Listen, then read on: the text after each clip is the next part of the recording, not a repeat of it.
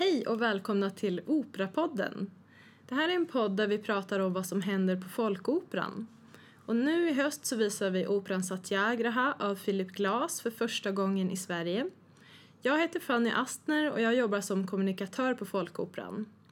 Med mig idag så har jag Marit Strindlund som är musikalisk ledare och chefsdirigent. Hej och välkommen Marit! Tack! Jag har också med mig Magnus Lindman som är dramaturg till Satyagraha och jag har hört att du även är ett stort fan av Philip Glass. Välkommen Magnus! Tack så mycket! Först så tänkte jag berätta lite om Satyagraha.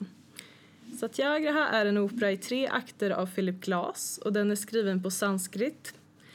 Den handlar om när Mahatma Gandhi utvecklade sin icke-våldsfilosofi Satyagraha, eller sanningens väg. Den blev början till vad vi idag kallar för civilt motstånd. Operan är en cirkusopera. Det är tack vare cirkusdirektören Tilde Björfors. Hon grundade Cirkus Cirkör och nu har hon med sig cirkusartister till Satyagraha. Eh, de samarbetar med operasångerna på scenen. Så nu undrar jag, Marit, vem är du och vad har du för relation till Philip Glass musik? Jag själv är ju dirigent och så är jag utbildad hornist en gång i världen för länge sedan också. Och det gör att jag har egentligen inte... Alltså jag har väldigt starka band till opera generellt, om man med opera menar liksom kärnrepertoaren, den romantiska repertoaren, även den lite senare men också om man säger tidigare då, Mozart och sådär. Men när det gäller minimalistisk musik så har inte jag någon egentlig relation själv. Därför att som hornist är det ganska ovanligt att man spelar minimalistisk musik. Så därför så, jag skulle säga att det är ett äventyr för folkoperan att göra just Satyagraha. Alltså att göra Philip Glass musik. Eh, men det är också ett äventyr för mig. Det är ett äventyr för alla i huset. Magnus, vem är du och vad har du för relation till Philip Glass? En dramaturg har liksom hand om lite vad är det vi berättar och hur berättar vi det? Och är en sorts bollplank till regissörerna eh, förhoppningsvis. Eh, och, eh, men jag har däremot då ganska nära band till Philip Glass som går tillbaks till faktiskt till 70-talet. Då jag stötte på honom första gången. Han fick ju ett sorts internationellt, ett stort genombrott med just en opera, den första opera han skrev som hette Einstein on the beach. Som var ett mycket kontroversiellt verk för det är inte en opera i vanlig mening. Det finns liksom ingen berättelse utan det är byggt på dikter av mycket sådana här amerikanska, den tidens moderna poeter. Ja, sen dess har jag liksom följt, Philip Glass har funnits med i mitt musiklyssnande. Även om, om jag är en sån där klassisk hardcore-människa. Och Philip Glass ibland vetter mot så att säga eh, populärmusiken och, kan man säga, och filmmusik och sådana saker. Så har jag alltid gillat hans eh, klangvärld. Sådär. Magnus, eh, kan inte du berätta lite vad Philip Glass har för relation till populärkulturen? Ja, alltså det, det, det är ju så att Philip Glass kommer från en tradition. Från början är han en så att säga, utbildad tonsättare på klassiskt maner. På Juilliard School, eh, den stora musikhögskolan i eh, New York ligger väl och framförallt i USA, en av de främsta musikhögskolorna där. Han gick sedermera också för Nadia Boulanger i Paris som eh, har varit lärare till många av de också europeiska tonsättarna. Men sen började han på 60-talet att hitta en annan väg och det här har att göra med vad som hände överhuvudtaget i New York på den tiden. Det är en otrolig konstnärlig smältdegel av både vad gäller bildkonst och vad gäller scenkonst och vad gäller musik. Där man just har möten över över olika gränser, samarbeten, eh, sådana här som eh, Lou Reed och Laurie Anderson och sådana här finns i faggorna. Eh, eh, det, det, finns liksom inflytande från andra musikkulturer. Eh, från Glass del framför allt från just den indiska musiken som han också studerade på nära håll i Indien. Eh, hans kollega Steve Reich, som också är sån här betydelsefull inom den här minimaliströrelsen, han tog influenser från afrikansk musik. Eh, och allt det här möttes då i New York på slutet av 60-talet och på 70-talet. Där det var, en, var just en upplösning av de här eh, formella gränserna som fanns förut. Eh, och det här har ju lett fram till, han har ju fortsatt med de här samarbetena med stora artister, med David Bowie och sådana här i eh, olika konsertserier som, han, som Philip Glass anordnar där han just bjuder in eh, den typen av musiker och gör olika samarbeten. Eh, samtidigt som han också skriver operor och eh, inte minst skriver symfonier. Han har väl nu också kommit upp till det härliga talet nio symfonier som är ett legendariskt symfonital därför att sen brukar det inte bli några fler. Vi får väl se. Dessutom fyller han ju 80 nästa år. Men vi får se om det... Jag tror att det är möjligtvis att det är någon tia på gång här ändå. Ja, men då för, för att anknyta till symfonier och konstmusikvärlden. För det är ju jättespännande som Magnus berättar att, att Philip Glass har liksom på något sätt varit en brygga över i populärkulturen och och in i flera konstarter. Men däremot om man i Sverige i alla fall pratar med tonsättare som i Sverige då var unga på samma tid, vid samma tid och kanske studerade på 60 och 70-talet. då är det ju för flera av dem ganska... Alltså det var under deras studietid och fortfarande kan hänga med i dem märker man att det var ganska skamligt att säga att de gillade Philip Glass. Att det var lite pinsamt därför att det var ju nästan pop. Alltså det var inte tillräckligt konstmusikaliskt fint att tycka om det. Och det tror jag jag kan inte alls säga att, alltså, att det har varit överallt så i världen, men jag vet också till exempel tonsättare som studerade i Köpenhamn så, så använde man Philip Glass som skräckexempel för hur man noterade till exempel, alltså partitur och orkesterstämmor och sådär. Så jag tror att det har funnits en slags väldigt förlegad syn på honom inom konstmusikvärlden. Vilket gör att även om han har skrivit flera stora ikonverk inom operasfären så har det inte spelats särskilt ofta. Åtminstone inte i vår del av världen. Som sagt, eh, det här är första gången Satyagraha görs i Sverige och man hör den inte så ofta i andra delar av Europa heller. Till. Dock i Tyskland har det varit Precis. en stor marknad. Eh, också för, eh, för just hans andra orkestermusik. Och han har skrivit stråkkvartetter i alla de här formerna. Eh, men i Sverige otroligt lite spelad. Jag tror aldrig har uppförts ett liksom, orkesterverk av honom i Sverige exempel.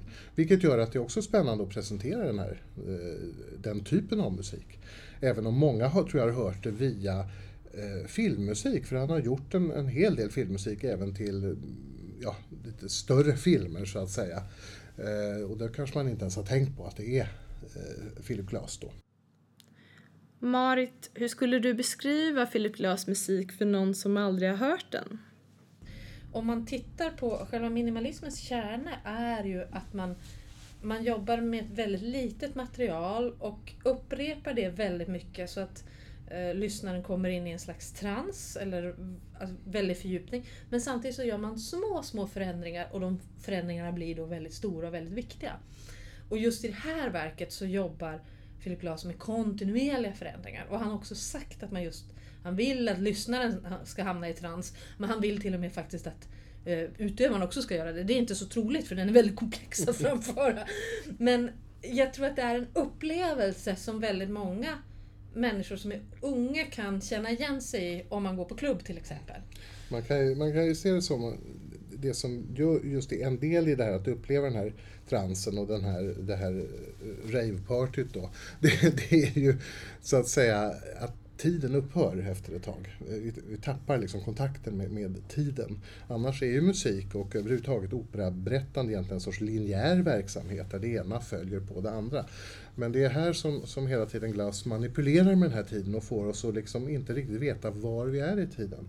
Var, hur långt är långt och hur kort är kort? Och, det, och där uppstår det någonting som är faktiskt, eh, som, som jag är övertygad om har, inte har att göra med om du har hört Glass eller inte förut, eller om du är en van musiklyssnare eller inte, eller har gått på opera eller inte. Utan det, det, det tror jag inträffar för alla som har det här. Eh, just eh, som, som Marit sa, de här små förändringarna, små skiftningarna eh, i det här upprepade eh, det är det som är ju minimalismens kännetecken, är att du jobbar med, med repetitiva upprepar fraser och tonföljder. Och så förändras det. Och då trillar man nästan av stolen för att plötsligt så kommer det, ibland är det bara att det kommer en ny ton. Alltså att det ligger, det ligger någon på en ton och bara flyttar ett steg och har legat på Oj, oh, där kommer en ny ton och alla rycker till. Liksom, vad händer? Och det, det, här, det här är ju ett mycket speciellt sätt att använda eh, ska säga, musikens ekonomi. Och Det som är väldigt tydligt också just i Satyagraha som är speciellt det är att Philip Glass själv sa att han ville musiken så att säga ska försätta lyssnaren i ett läge där man verkligen vill följa den här icke-våldsfilosofin. Om man tittar på rent strukturellt så har verket tre akter. De första två akterna är också uppdelade i flera scener. Men det finns inget traditionellt narrativ. Det är inte så att det börjar... Det handlar om, och nu gjorde jag såna här citationstecken i luften som lyssnar, ni lyssnar inte ser. Men det handlar om Mahatma Gandhis tidiga liv som aktivist, eller hans skap, hans tillblivelse som aktivist, när han befann sig i Sydafrika och jobbade tillsammans med de indiska människor som levde där. Och deras situation som var fruktansvärd. Ehm, så på det planet handlar det om någonting men det finns inget traditionellt narrativ i berättelsen som gör att vi går från A till Ö.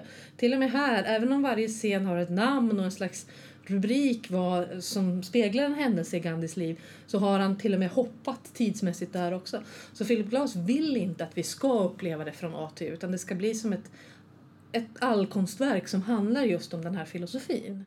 Som, som får oss att känna den på djupet. Magnus, vad har varit den största utmaningen för dig som dramaturg när det gäller musiken? Utmaningen är att, att en publik förväntar sig ganska ofta att förstå vad det är som händer. Och när man inte förstår då blir man lite orolig. Och det här känner ju alla igen som, som försöker hänga med i någon tv-serie eller något annat och man missar någonting i början och förstår inte varför, varför, vad händer nu? Och de ska in i kongressen och rösta och det var några som, som skulle vara med på den sidan. Jag förstår inte och då, blir jag, då tappar jag. Och det här är ju det viktiga att vi hela tiden försöker kommunicera med publiken vad det är som händer. Men här behöver vi också så att säga på något sätt berätta att, att du behöver inte förstå på det sättet som du brukar vara van vid. För det finns inget sånt att förstå. Och det är dessutom därför som texten är på sanskrit. Alltså, glas har valt ett språk som garanterat ingen förstår. Och det är en tanke med det såklart. Han hade ju kunnat skriva ett libretto på engelska eller på tyska för det var i Tyskland som Satyagraha urfördes 1980. Men han gjorde inte det. Och idén med detta är också att vi inte ska fastna vid orden och hela tiden sitta och tänka på vad betyder det och vad betyder det. Utan vi ska vara i den här helheten av, av eh, så att säga, musik, av ljud, av ord. Vi förstår att det är ord. Och orden är hämtade från Bhagavad Gita, den stora eh, viktiga texten som är tusentals år gammal, jag kommer inte ihåg exakt nu, men som är grundläggande för, för hinduismen och för Gandhi. Och det, det, här är ju naturligtvis en utmaning att, att, så att säga, berätta någonting eh, som inte går att berätta och som inte vill berättas för en publik som förväntar sig att nu ska ni väl berätta någonting. Men där kommer också cirkusen in att det språket passar ju väldigt bra till att skapa världar som handlar om att vi löser upp tiden, vi löser, som vi pratar om, men också tyngdlagen och allt det här, eh, all den här gravitationen som brukar hålla oss fast på plats när vi, det ska åka runt i olika Verdi och eh, Puccini-operor. De, de, är jordade, men den här är en ojordad opera skulle jag säga. Den, den släpper taget och det är det vi ska göra också. Men det är ju en, det är en utmaning. Men vi kommer också, vi har hittat ett sätt att vi kommer arbeta med projektioner, vi kommer på i scenbilden. Och vi kommer att få vissa bitar av texten för det också finns fantastiska verser i den här eh, Bhagavad Gita som, som står för materialet som används. Eh, de används så att säga som om de var repliker men det är de ju inte utan det är verser. Men vi kommer att förmedla en del av dem eh, men ändå förhoppningsvis vagga in publiken i detta härligt transliknande tillstånd. Men när det gäller att, om jag flikar in då, när det gäller att förstå, då tror jag att man på något sätt ska förhålla sig till det här verket eller det enda sätt som finns att förhålla sig, att vara öppen i hjärtat och att precis som när man istället läser poesi istället för att läsa vanliga dramatiska romaner så, så, så, är det ett allkonstnärligt poetiskt verk. Det vill säga det ligger en massa betydelse och känslomässiga laddningar i de handlingar som utförs och det som uttrycks visuellt av cirkusen och i den poesi som texten faktiskt är då, ur Bhagavad Gita. Och det handlar om livsvisdom och det, handlar också, eller det beskriver också konkreta händelser. Men att just se på det med någon slags öppet hjärta, öppet sinne och ta in det som snarare som poesi, som bilder än, än att söka just ett dramatiskt förlopp. Men här tror jag också att här har Glas tänkt på det, det så att säga eh, utifrån sina indiska erfarenheter och sin kunskap om eh, Eh, den traditionen, om hinduismen, om eh, yogakulturen som, eh, jag menar, Glas har varit praktiserande yogautövare sedan slutet av 50-talet.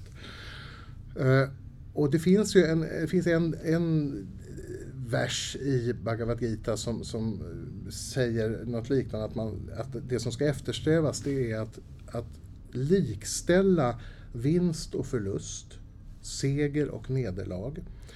Eh, vi, I det västerländska tänkandet och det som är väldigt upplysningspräglade tänkandet så har vi mycket mer hierarkiskt eh, ordnat. Vad är bäst och vad är mindre bra? Vad är sämst? Vad är bra? Vad är dåligt? Vinst är bra, förlust är dåligt. Vi har ett sånt, sånt tänkande. Medan i det mer kretsloppsorienterade, om jag nu är otroligt slarvig, men, men hinduistiska tänkandet så handlar det mycket mer om att uppnå en balans mellan saker inte att ordna dem hierarkiskt. Och då kan vi också föra in då med att vi skulle tänka oss att, vi, att publiken ska eftersträva att uppnå balans mellan att förstå och inte förstå. Um, och att det är där någonstans det, det, det, det, ligger. Om man då hänger sig eller går in i detta så får man nog nya, nya upplevelser genom att avstå från vårt förtvivlade att förstå hela, vad betyder det här och vad betyder den här meningen och vad betyder det när den säger så? Ja, kanske inte behöver tänka på det hela tiden. Man kommer också i kontakt med, med, med känslor, dels, dels Gandhis utsatthet men också hans styrka av den här viljan av att nästan offra sitt liv för någonting som är större än han själv. Det finns bland annat en scen där han eh, då blir utsatt, och det är en verklig händelse som är speglad. Han blir utsatt för en lynchmobb och det kommer en kvinna som heter Mrs Alexander eh, hon har europeisk bakgrund men råkar befinna sig i Sydafrika som så att säga räddar Gandhi. Och vi ser ju det här ske på scenen om än i ett poetiskt uttryck. Och att man kommer i kontakt med alla de, eller jag när jag lyssnar kommer i kontakt med alla de olika känslotillstånden men inte på ett sånt sätt som när jag går och ser Tosca och liksom gråter när, när Mario sjunger sången till livet eller till stjärnorna. Eh, men utan att jag kommer i kontakt med känslotillstånd i mig själv och just den här känslan av att vara del av någonting större. Jag skulle vilja tacka er jättemycket för att ni kom hit. Följ gärna Satyagraha på Instagram, Twitter och Facebook där vi heter Folkoperan. Och du kan läsa mer om operan på vår hemsida folkoperan.se. Här är lite av musiken från operan Satyagraha av Philip Glass.